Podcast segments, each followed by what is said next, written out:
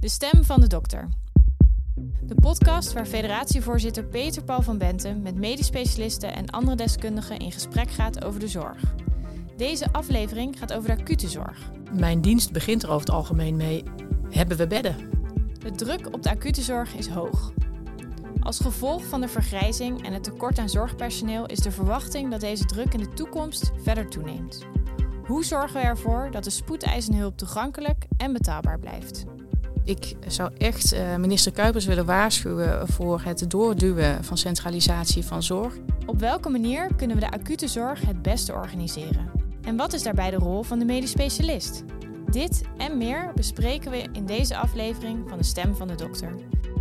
De podcast van de Federatie Medisch Specialisten.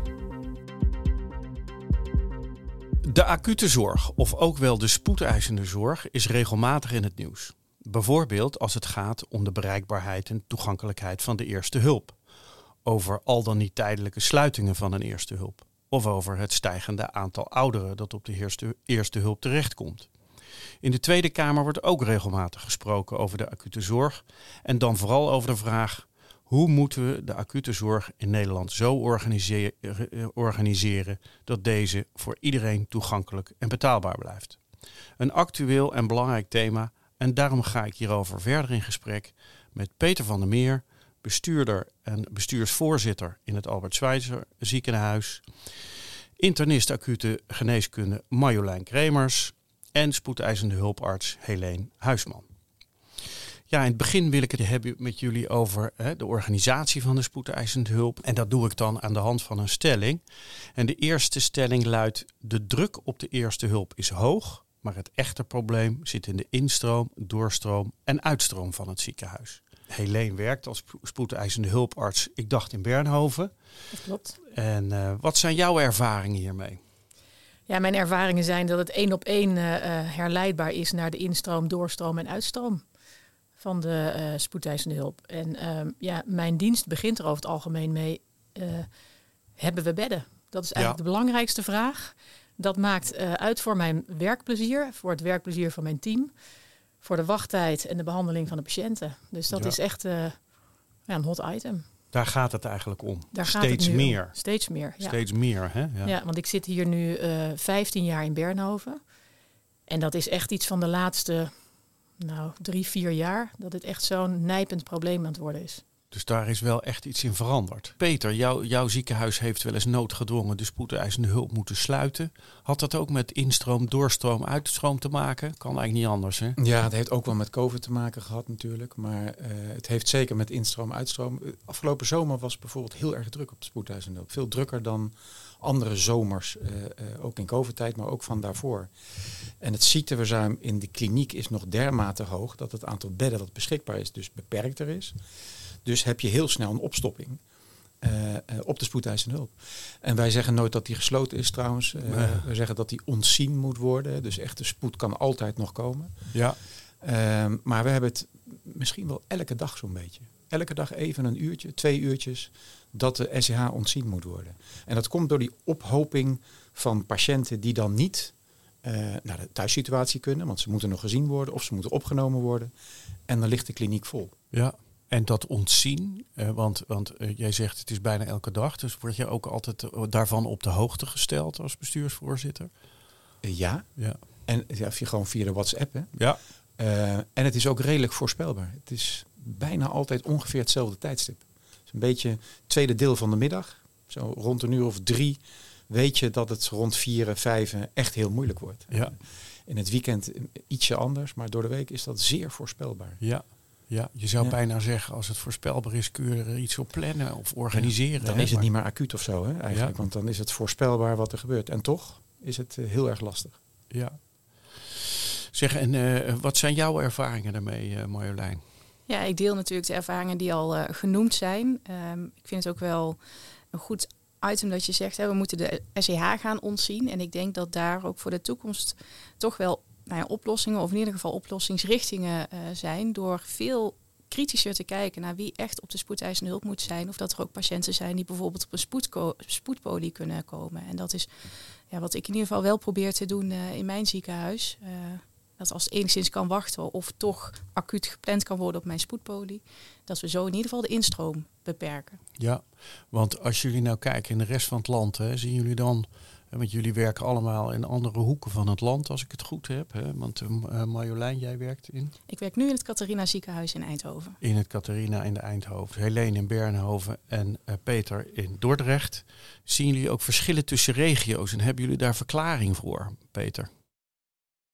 Uh, uh, ik kan de eigen regio Zuidwest-Nederland, ROAS-regio, kan ik wel goed overzien. Daar hebben we in coronatijd hebben we heel vaak dezelfde, op hetzelfde moment dezelfde probleem gehad na corona is het, ligt het toch weer iets anders. Dus ik merk nu dat we dat het niet overal uh, dezelfde druk hebben. Um, een aantal ziekenhuizen weet ik ook dat en een laag ziekteverzuim ervoor zorgt dat er meer bedden beschikbaar zijn. En de doorstroming makkelijker is. En het is, het is, een, het is complex, hè, het probleem. Want ook liggen er vaak patiënten in de kliniek die daar niet meer horen, hè, medisch klaar zijn, en wachten op thuiszorg. Of de verkeerde een, bedden. De verkeerde bedden zijn dat dan. En die kunnen ook niet altijd terecht, omdat daar het ziekteverzuim eh, hoog is. Of omdat daar geen plekken zijn. En je ziet wel, bijvoorbeeld bij onze buren in Gorkum. Die hebben een organisatie waarbij ouderenzorg en thuiszorg één geheel is. Daar gaat dat makkelijker. En daar kijken we af en toe wel jaloers naar. Dus de, zij hebben dat ja, beter georganiseerd weet ik niet, maar in ieder geval betere afspraken over die doorstroming kunnen maken. Ja. dat herken ik wel hoor. Dat inderdaad sommige regio's betere afspraken hebben met de VVT-sector voor de uitstroom van de ziekenhuizen. En als ik even voor onze ROAS-regio kan spreken, we hebben zeg maar vanuit de COVID-periode zijn er echt wel goede gesprekken op gang gekomen, hè, om ook wel regionaal dingen af te stemmen. En wij hebben bijvoorbeeld echt wel afspraken gemaakt over uh, nou ja, het afkondigen van bijvoorbeeld een presentatiestop. Ja. waar jij het een beetje over hebt. Het zogenaamde ontzien. Uh, dat kan niet meer zomaar. Hè. Wij stemmen dat af met de omliggende ziekenhuizen. Of diegene uh, dan tijdelijk onze, onze patiënten op kunnen vangen. Ja, en, als dat niet zo is, ja precies. En als dat niet zo is, dan kunnen we hem ook niet afkondigen. Nee, want dat begreep ik ook. Hè. Je kan het niet zomaar afkondigen. Er zijn Tweede Kamervragen over gesteld. Uh, recent nog eens een keer is dat wat aangescherpt. Naar aanleiding van uh, de actualiteit in het Lange Land ziekenhuis in Zoetermeer.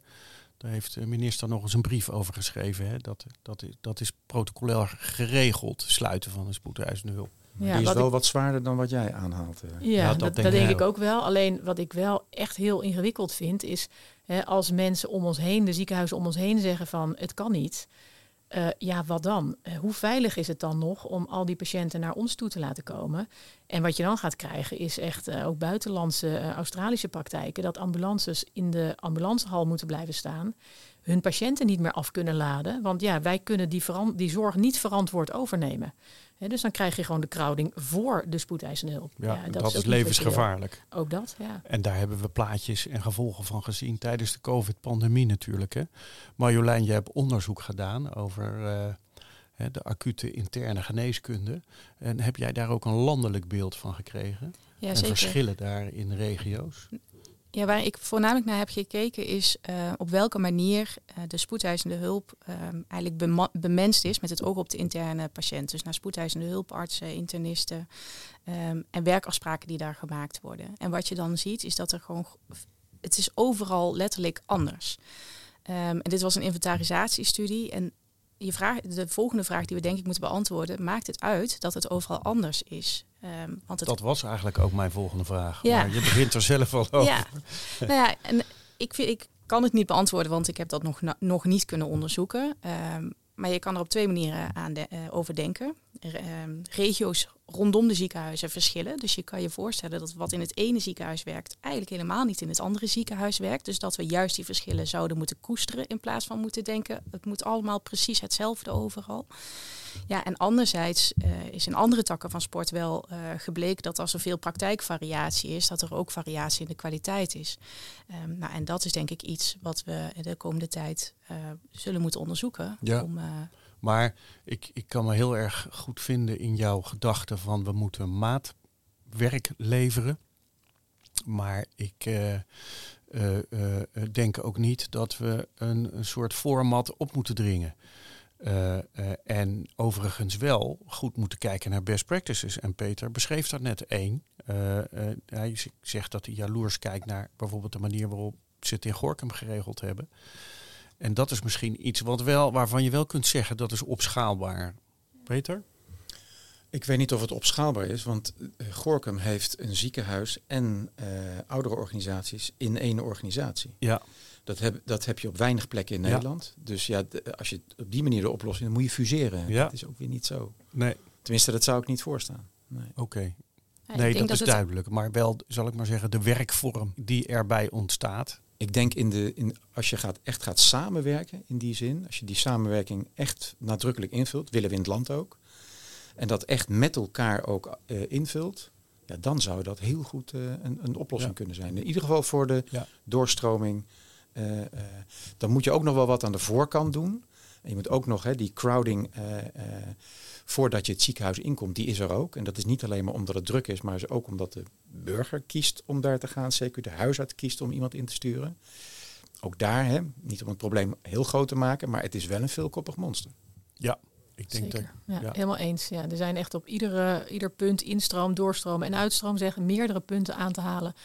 Dat je zegt van nou, daar is echt nog wel iets haalbaar. Ja, Ja, dat En maakt denk ik ook dat, dat netwerkgeneeskunde steeds meer belangrijker wordt. Zeker ook in de acute zorg. En ja, zelf denk ik dat dat lokaal eh, de grootste kans heeft. eh, versus dat heel grootschalig op te pakken. Je moet dat zeker inderdaad regionaal eh, aanvliegen. Covid-periode heeft dat al een stuk laten zien. Maar wij hebben bijvoorbeeld twee keer per dag een capaciteitsoverleg met eh, nou ja, de, de, de managers in het huis. Om te kijken van nou, hoeveel bedden zijn er, hoeveel komen er vrij. Wat is de voorspelling van het zogenaamde voorspelprogramma, hoeveel opnames er moeten zijn. En gaat dat passen, ja of nee? En gaan we daar dan nu aan, in de ochtend al eh, actie op ondernemen? Of wachten we zeg maar tot de eh, avond, nacht, bij voorkeur niet? Eh, en ik denk als we dat regionaal kunnen optuigen met elkaar, dan is dat, eh hebben we hebt echt het- heel veel slagen geslagen. je hebt het over een voorspelprogramma. Dat vind ik interessant. Hè? En, en, en dat programma is, ja, dat is een soort predictiemodel, hè? zoals we dat uit de wetenschap kennen, denk ik. En dat wordt denk ik steeds beter. Eh, ja, dat wordt steeds beter, want het rekent natuurlijk met alle getallen over door de jaren heen. Eh, houdt ook reken- rekening met eh, seizoenen. Hè, maar het gaat wel uit van gemiddelde maandagen, gemiddelde dinsdagen, woensdagen, nou noem maar zo op. En omdat jij in het Ja. begin zei dat eh, je wel ziet dat in de loop der jaren de belasting van de spoedeisende hulp anders wordt veranderd, is het dan ook niet zo dat we met AI daar een lerend algoritme van zouden moeten maken? Ja, dat zou heel mooi zijn als we zover kunnen komen. Ja. Dus ik zou het echt heel fijn vinden als daar een student of een eh, promovendus eh, Ik denk dat dat een promovendus moet zijn, Precies, samen ja. met een hoogleraar, als ik het zo ja. hoor, want het is een groot probleem. ja, Hoewel Zeg- de voorspelbaarheid er al wel is. Hè. Dus je weet ook wel vaak wanneer de drukte komt. Aan de voorkant moet je ook weer, dat eh, denk ik ook met huisartsen en anderen afspreken, wanneer worden mensen ingestuurd. Daar kan je ook in variëren. Ja. En als we dat altijd op hetzelfde tijdstip doen, wat toch wel vaak gebeurt, dan heb je piekbelasting. Ja. En dan is een voorspelmodel en een promovendus en een AI niet daarvoor de oplossing. En we hebben natuurlijk al jarenlang, we volgen met onze personele inzet de instroom. Hè, Maar ik denk dat we nu op het punt zijn aangekomen waarin we aan de knoppen moeten gaan draaien met de instroom. hè. Dus inderdaad afspraken moeten gaan maken met de huisartsen over het tijdstip van insturen. Eh, de spoedpolie of de SEH, überhaupt, hè, moet een patiënt nog ingestuurd worden. En nog meer aan de voorkant daarvan denk ik dat er echt een veel grotere taak voor de preventie ligt binnen Ja. heel Nederland. Hè. Nou, dat is een zeer herkenbaar iets en daar hebben we een stelling over. De acute zorg zou meer georganiseerd moeten worden rondom de grootste patiëntengroep, de chronische patiënt. Nou, als internist herken ik natuurlijk wel dat er veel chronische patiënten met multimobiliteit eh, toch frequent gebruik maken van de spoedeisende hulp. Cijfermatig zien we ook wel dat die groep aan het groeien is. Het percentage eh, multimobiele patiënten neemt nou eenmaal toe. Dat maakt ook dat je je kan afvragen van, goh, moeten we dan inderdaad de zorg anders gaan inrichten? En ik denk van wel, maar dan heb ik het niet per se over de spoedeisende hulp, maar de hele keten of het hele netwerk van eh, acute zorg. En wat ik in mijn proefschrift heb onderzocht, is met name voor die groep interne patiënten ehm, is bijgehouden van goh, hoeveel eh, komen er nu per maand op de spoedeisende hulp in verschillende ziekenhuizen? Ehm, zien we trends in bijvoorbeeld eh, heropnames of herbezoeken? Dus we hebben bijvoorbeeld gezien dat tijdens de COVID-periode het aantal herbezoeken lager lag dan eh, daarvoor. Dus er is iets gebeurd daar, eh, waardoor er minder herbezoeken zijn. Nou, dat beantwoordt mijn database nog niet helemaal, maar dat geeft wel een mooi signaal waar je moet gaan zoeken eh, om ergens aan een knop of een oplossing te komen. En als je dan kijkt naar de karakteristieken van deze groep patiënten, zijn het vaak toch wat kwetsbare mensen die een chronische behandelrelatie met één, twee, drie specialisten uh, hebben.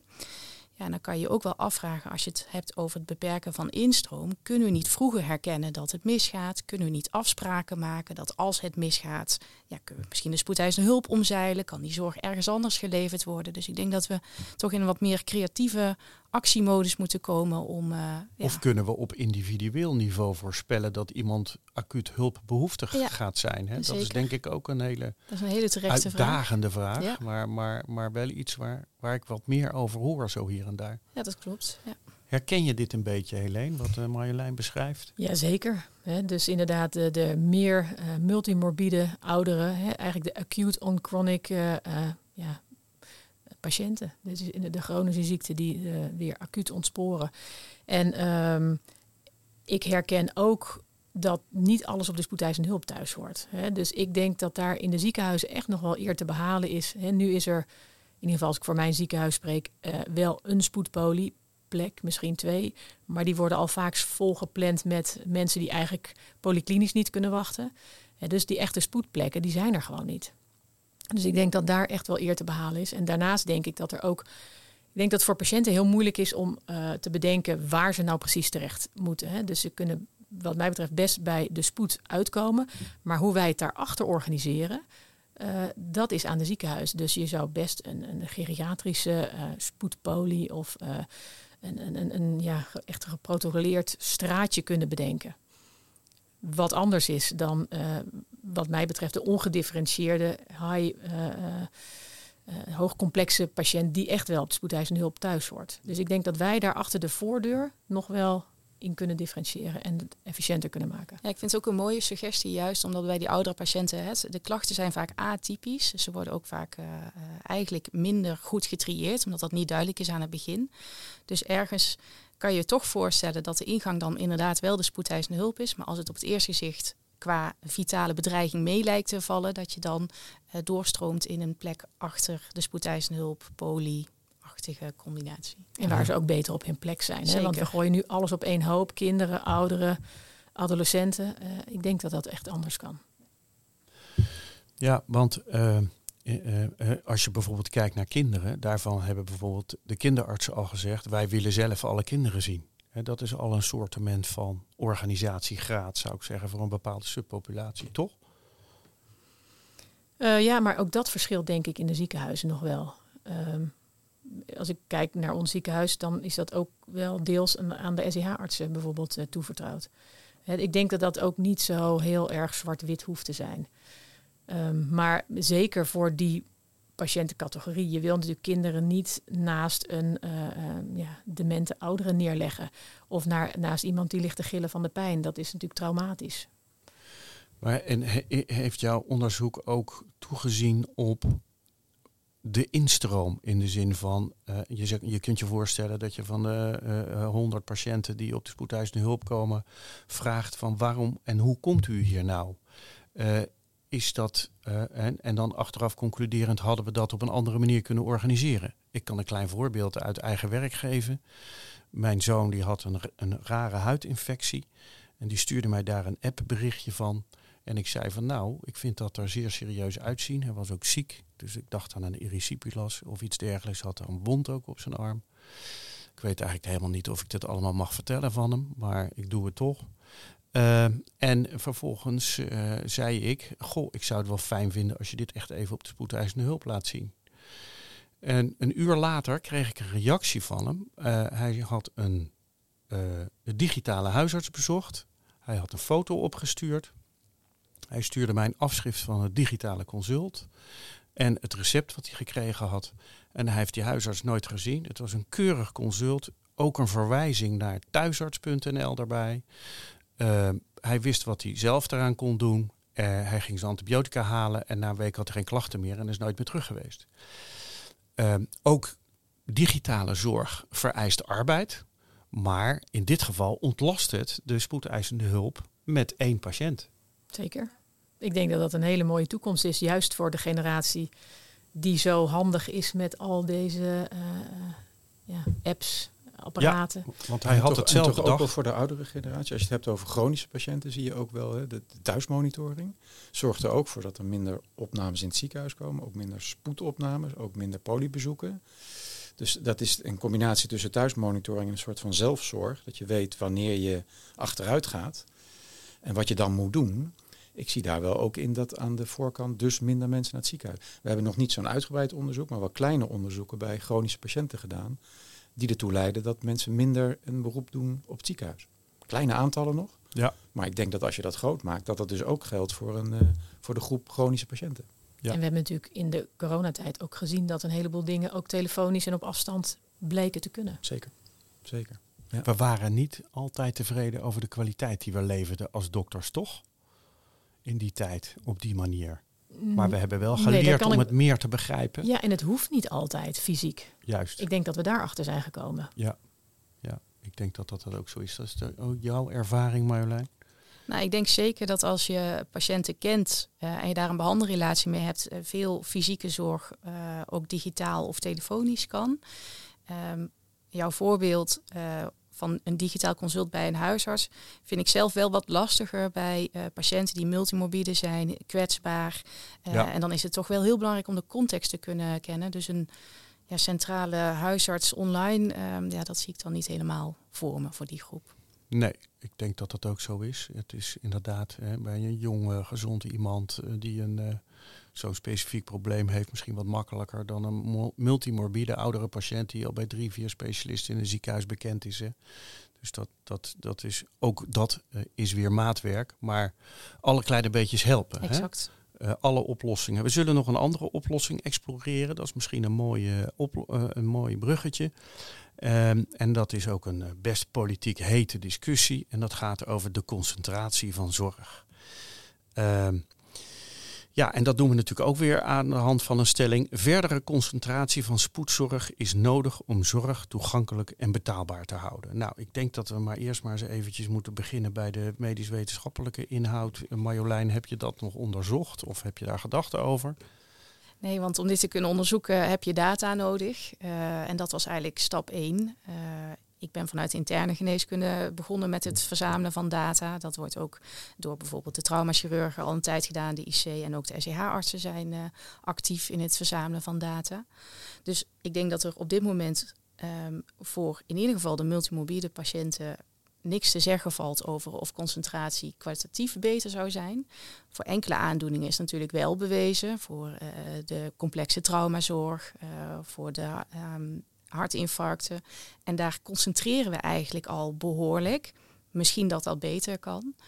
Uh, maar als je het hebt over concentratie van zorg, um, waarbij eerst het uitgangspunt was dichtbij als het kan, ver weg als het moet, dan uh, ja, zie ik voor mijn groep patiënten toch wel hobbels als uh, dat heel erg geconcentreerd gaat worden, de spoedzorg. Ik denk dat het alleen maar leidt tot fragmentatie van zorg en juist die chronische behandelrelatie die eigenlijk de kracht is, die compleet niet gedaan wordt. Ja, dus dat geldt voor de chronische patiëntengroep, multimorbide. Is dat, zou ik maar zeggen, nou ja, uh, afhankelijk van hoe je concentratie definieert, not the way to go. Helene. Nee, ik ben helemaal eens. Uh, ik, ik, met name ook kijkend naar dan de ongedifferentieerde patiënten. We hebben natuurlijk nogal wat mensen die komen met buikpijn of met benauwdheid. Ja, dat kan zoveel dingen zijn. En in deze discussie gaat mensen er wel eens vanuit, voor, mijn gevoel, dat mensen op een voorhoofd hebben staan wat de diagnose is. Dat is natuurlijk niet zo. Daar gaat een heel uh, speurwerk aan vooraf. En um, ja, helemaal eens. Er is nog onvoldoende data, met name over die uh, multimorbide, uh, complexe, ongedifferentieerde patiënt, om daar naar concentratie te gaan. En dan, als je dat gaat doen, dan levert dat alleen maar meer problemen op. En dan ben ik weer terug bij de eerste stelling. Hoe gaan we dat in hemelsnaam logistiek handelen met elkaar dan? Nou, daar hebben we een bestuurder voor aan tafel, Peter. ja, bestuurlijk... je, je, wordt uitgedaagd op de inhoud, zie ik hier. Nou ja, bestuurlijk gaat het er heel vaak over of een SCH gesloten moet worden van een ziekenhuis. Hè. En ik denk wat Marjolein zegt is terecht. Aan de voorkant zijn al heel veel afspraken over trauma en over... Ook over een heleboel andere ingrepen. Trombolyse. Hè. Trombolyse, zeker. Dus daar wordt al heel veel afgesproken. Ook los van wat de ambulance doet, maar ook tussen ziekenhuizen. We hebben met Gorkum bijvoorbeeld hele goede afspraken. Welke patiënt daar niet gezien en behandeld wordt, maar direct doorgaat naar, uh, naar Dordrecht. Maar die discussie over sluiten, Ja, die moet je niet te veel over je heen laten komen, want dat, dat kan zo zijn dat als er te weinig patiënten komen of als er geen mensen willen werken, dat je om dat soort redenen uh, niet meer je SEH uh, goed bemenst of kwalitatief goed bemenst kan houden. Ja, daar moet je wel voor waken. En dan kun je ook proactief samenwerken met anderen om te kijken hoe je dan spoedeisende hulpen, acute zorg uh, organiseert. Misschien dat zo'n ZCC, zo'n zorgcoördinatiecentrum gedachte, dat dat ons kan helpen om er op die manier over na te denken en dan los van de discussie, doe maar weer een SEH dicht en concentreer het in minder ziekenhuizen of minder SEH's eigenlijk. Dat dus vind, ik een, vind ik jammer dat die altijd wordt afgepeld tot alleen maar dat stukje. Ja, dus het zorgcoördinatiecentrum, zeker als je aan de voorkant bij dat centrum de afspraken goed regelt tussen de diverse spoedeisende hulpen, zou dat een hulp kunnen zijn in jouw beleving? Mijn angst is, en het is er nog niet, is dat het ernaast komt, dat ja. zorgcoördinatiecentrum. Het moet in de plaats komen van iets maar wat niet is dat iets? Want wat is dat iets? Nou, je hebt nu al een meldkamer. Je hebt natuurlijk al een organisatie eromheen. En als je dan een zorgcoördinatiecentrum daarnaast gaat zetten, dan krijg je ellende. Ja, nee, dus dat moet in de plaats komen van. En voor onze regio zou het een uitkomst zijn, denken we nu. Hè? Dus het moet in de meldkamer komen, bij wijze van spreken. Want de meldkamer is er al. De infrastructuur staat, dus daar zou het dan in moeten komen. Wij zijn heel goed in het erbij doen. Maar dan gaat er weer niks af. En wij als Nederlanders dan, hè? Nou, wij bestuurders, zou Wij bestuurders, ja. en maar dan heb je inderdaad, waar we het net ook al over hadden, veel beter die regionale afstemming. welke patiënt kan waar het beste terecht op dat moment? Wie wat heeft ik me wel afvraag bij die ZCC's is, welk probleem wordt er nou precies mee opgelost? Hè? Uh, want vinden we ook dat daar bijvoorbeeld triage plaats moet vinden, dan gaan we er bijvoorbeeld vanuit dat triage eigenlijk een heel goed middel is. En eigenlijk hebben we grote moeite, uh, wat ik net ook al uitlegde, bij uh, bepaalde patiëntengroepen om dat aan de voorkant al goed te doen. Of gaat het er veel meer om dat we in de regio capaciteit openbaar gaan maken, gaan delen en op die manier gaan sturen? Ja, voor mij dat laatste niet, maar het, tri het triëren gebeurt natuurlijk nu ook in de meldkamer. Hè. Dus je trieert wel als uh, uh, in de meldkamer al van waar gaat iemand naartoe of hoe snel moet het gebeuren. Ik denk dat, dat je het meer moet zien alleen in de samenwerking met elkaar om het te organiseren. En die triëren zal dan ook moeten plaatsvinden uh, aan de voorkant om te kijken of je en waar je naartoe moet. Dus de juiste zorg op de juiste plek. Modekreet nog steeds, maar zou je op die manier net iets beter kunnen organiseren. En ik begrijp de ambulance goed. Dat ze zeggen, ja, die 15 minuten is eigenlijk onzin, want soms moet het 6 minuten zijn. Of nog sneller, want anders helpt het ook niet. Dus als je dat ja, nogmaals niet met een extra iets kan organiseren. Maar ik, ik, ik merk aan Marjolein dat ze comfort op de inhoud nodig heeft. Dus als we nou bijvoorbeeld in het zorgcoördinatiecentrum afspreken dat bij de triage gekeken wordt, is dit een multimorbide chronische patiënt, dan gaat hij naar het eigen ziekenhuis. Dat is eigenlijk jouw voorstel. Ja, maar dat kan ik me helemaal voorstellen. Daar ben ik het direct mee eens. Want juist die, die patiënt moet in de buurt behandeld worden. En kunnen wij dan hier afspreken dat bij die afspraken aan de voorkant de professionals echt goed meedoen, zodat die afspraken ook inhoudelijk hout snijden? Dat lijkt me een vereiste. Ja. Hij ja. kijkt naar mij. Uh... Oh, sorry. Nee, nee, nee. Ik spreek voor mijn beurt. Hij dacht natuurlijk, dat moet ik De luisteraar kan niet zien naar wie ik kijk, maar ik keek inderdaad naar jou. Uh, ja, dus dat is een beetje die zorgcoördinatiecentra. En, en, en, ik weet toevallig dat er volgens mij in Rotterdam al een pilot loopt. Marjolein, zie je knikken. Heb je al enig idee hoe dat daar gaat? Nee, werkelijk geen idee. Ik weet dat ze begonnen zijn met evalueren, maar de, de, data, nee, geen inzicht. Helene of Peter, ook geen informatie over. Dan wachten we dat rustig af. Um, Jij hebt uh, in een interview in Zorgvisie hier iets over gezegd, Marjolein. Uh, is dat aansluitend bij wat je net hebt gezegd? Of over deze zorgcoördinatiecentra? Of wou je nog iets kwijt? Nou, ik, kan, ik, kan, er eindeloos over praten. Maar er zit, er zit vooral op de inhoud inderdaad veel zorg ik kreeg de indruk dat die minister denkt met deze zorgcoördinatiecentra uh, ook bijvoorbeeld de instroom op een bepaalde manier te kunnen beperken. En ik zie daar voor, namelijk voor de groep patiënten die, die ik behandel grote risico's, juist omdat ze al heel vaak ondergetrieerd worden. Dus dan lijkt het een sociaal probleem of een zorgprobleem, zoals we dat graag noemen. Um, is er medisch toch iets aan de hand? En dan krijg je gewoon vertraging in de hulpvraag en wordt het alleen maar erger in plaats van dat mensen minder zorg nodig hebben. En daar zit een hele grote zorg. Ja, dus daar moeten we goede afspraken over maken, over die kwetsbare patiëntengroep. Zeker. Ja. En, en je gelooft dan dat je dat niet centraal kan triëren? Nou, dat is niet uh, wat ik denk dat dat kan. Want als je het helemaal plat slaat, hebben we nu ook huisartsenposten die regionaal samenwerken. Natuurlijk is dan wel de randvoorwaarde dat er inzicht is in de voorgeschiedenis van deze patiënten. Als dat er centraal niet is, is dat een heel groot uh, manco en gevaar. Um, in theorie kan je die telefooncentrale, om het maar plat te noemen, uh, in Utrecht neerzetten um, en dat vanuit daaruit regelen. Ja, dat kan. Um, maar de triagemodellen zoals we nu hanteren, die kennen gewoon al risico's. En ik vraag me wel af dat als er centraal getrieerd wordt, ja, of die netwerkafspraken waar we het eerder over hadden, ook nog wel zo gevoeld worden. Of dat het misschien wel gevoeld wordt van er wordt weer iets over de schutting uh, geworpen. En dat je eerder frustratie krijgt dan een goede samenwerking. Ja, dus daar moeten we goed aandacht voor hebben. En misschien moet die, dat, zo'n zorgcoördinatiecentrum dan ook bemenst worden qua triagisten door de verschillende spoedeisende hulpen die in de regio werkzaam zijn of iets dergelijks, zodat iedereen er een goed gevoel bij krijgt en vanuit de inhoud de goede dingen doet. En inderdaad, een triagesysteem wat aansluit bij de, bij de huidige tijd. Niet meer een telefoontje waar mensen ellenlang eh, in de wachtrij staan en uh, nou ja, gewoon met een paar vragen een afslag nemen. En in een, in een vaatje terechtkomen waar ze misschien helemaal niet thuis horen. Ja. Goed, nou ik ben benieuwd. We gaan het zien. We wachten de pilot in Rotterdam af. Eens kijken wat daar allemaal uitkomt. Misschien is het wel heel goed te organiseren. Zeg, en Peter, nog eens even, als we het nou hebben over concentratie van zorg, dan wordt er ook vaak als je naar het NZ. Wat vind je van dat NZA-rapport daarover? Over de acute zorg en de manier waarop de NZA daar, daar, daarover rapporteert. Volgens mij is een deel al geregeld. Kom een beetje terug wat ik net zei. Is een deel al geregeld aan de voorkant. Want heel veel bijzondere zorg, acute zorg, gaat al naar de juiste plek. Dat wordt van tevoren al wel besloten. En is het een discussie die alleen maar gaat over minder spoedeisende hulpen? En als je die discussie niet voorbij komt, als je dus niet echt over de inhoud kan hebben, mag hebben, dan. Het is ook dus standpunten, belangen innemen van, uh, van, van ziekenhuizen en van uh, andere huizen. Dan kom je daar niet voorbij. Dus dat, dat is jammer. Dus zo'n rapport verdwijnt dan toch weer zonder dat er iets mee gebeurt, is mijn vermoeden. Of de minister, dat merk je natuurlijk wel bij Kuipers, hij wil doordrukken. Hij wil zijn menen en komt uit een academisch huis. Vindt ook dat die trauma nog veel beter geconcentreerd kan worden. Want dat is in Rotterdam ook altijd wel iets geweest. Dat weet ik dan van dichtbij. Ja, dat kan. Maar dan moet hij zelf beslissingen nemen. Als hij dat aan het veld overlaat, dan denk ik dat je met hele goede afspraken en end kunt komen. Als je nou kijkt naar dat hele uh, uh, concentratievraagstuk kun je dat natuurlijk vanuit heel veel verschillende perspectieven bekijken.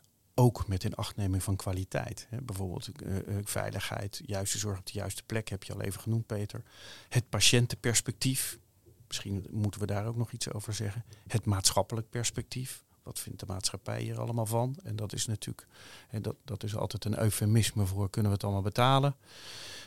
hebben we alle perspectieven voldoende belicht? Of zouden we nog iets willen zeggen over een van deze perspectieven? Jij hebt het ook best wel eens over geld, denk ik, in je eigen organisatie, Peter. Uh, als bestuurder, hoe, hoe zie jij dat? Uh, hoe, hoe gespannen staat die concentratiediscussie op, op, voet, op de voet van de maatschappelijke haalbaarheid? Ja, ik denk dat financierbaarheid blijft altijd wel. bij elk onderwerp komt, komt geld ter sprake.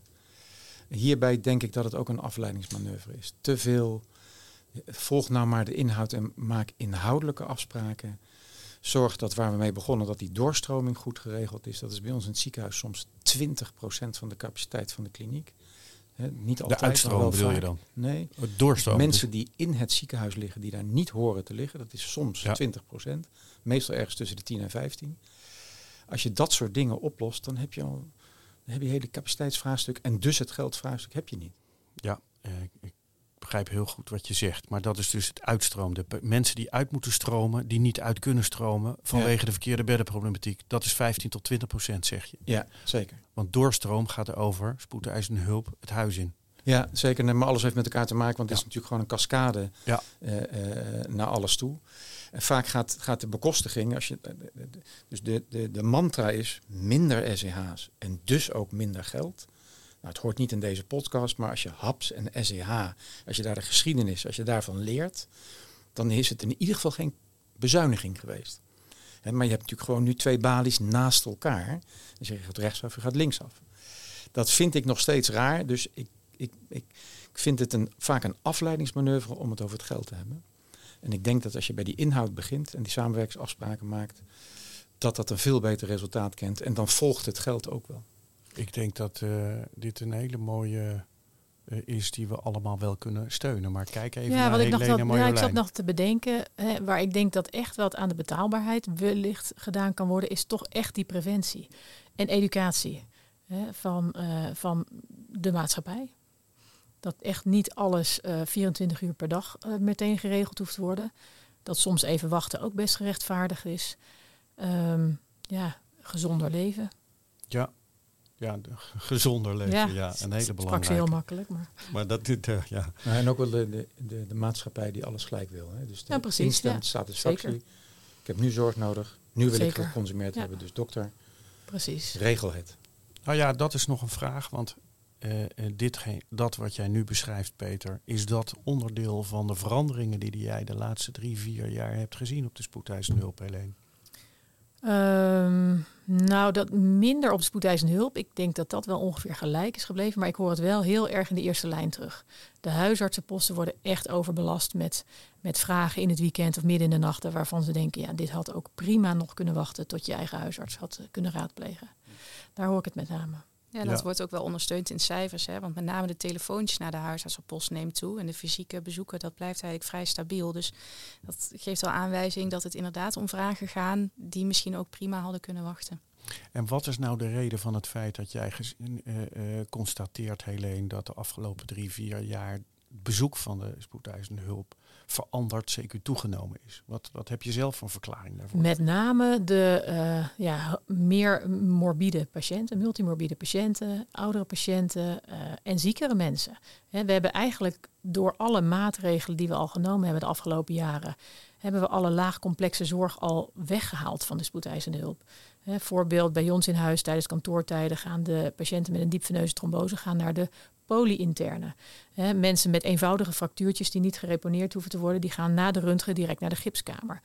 Dus we hebben eigenlijk al het laaghangend fruit is inmiddels weg. Dus we houden echt de, de, de, nou ja, de, de, de meer zieke, zwaardere, complexere patiënten houden we over. En dat maakt ook dat navenant die werkdruk zo toeneemt. Hè, gevoelsmatig, maar ook in de in werkelijkheid. Oké. Nou, we komen zo langzamerhand aan het einde van dit, uh, van dit gesprek. Zo snel gaat het. Uh, en ik heb aan jullie alle drie nog een laatste vraag. Een laatste kans geef ik jullie eigenlijk. Wat zou je politiek of welke andere organisatie in de zorg dan ook, of daarbuiten, willen meegeven in het kader van deze problematiek? Wie wil eerst? Marjolein. Nou, dat is een grote oproep. Nou ja, ik heb het al genoemd. Ik zou echt uh, minister Kuipers willen waarschuwen voor het doorduwen van centralisatie van zorg. Ik zou hem willen oproepen om de zorgprofessionals zelf goede netwerken te laten eh, vormen en regionaal afspraken te maken hoe die acute zorg um, ja, toch behouden kan blijven. En ik geloof echt dat we dat prima zelf kunnen uh, met enige motivatie. Um, en daarnaast, daar hebben we het niet over gehad, um, zou ik het toch ook mooi vinden als we in al deze discussies het patiëntenperspectief wat meer terug laten komen, want die mis ik heel erg. Heb je dat, heb je dat nog onderzocht ook? Ja, ik dat heb, patiëntenperspectief? Dat heb ik zeker ook onderzocht. Ja. Um, ja, wat ik heb gedaan is een, uh, een, een promslijst eigenlijk ontwikkeld voor uh, gebruik op de spoedeisende hulp om te evalueren hoe patiënten hun zorg hebben ervaren. En het het, eh, de eerste resultaten laten wel zien dat mensen heel tevreden zijn. Maar uit de internationale literatuur kom je ook tegen dat als mensen tevredener zijn uh, met uh, de opvolging van hun hulpvraag, zijn de uitkomsten vaak ook beter. Dus het is gewoon wel een heel belangrijk aspect om aandacht voor te hebben. Heel goed dat je dit nog even toevoegt. Dank je wel. Ik hoop dat Ernst Kuipers deze podcast ook luistert. we zullen hem opsturen. Peter, wat zou jij mee, mee willen geven?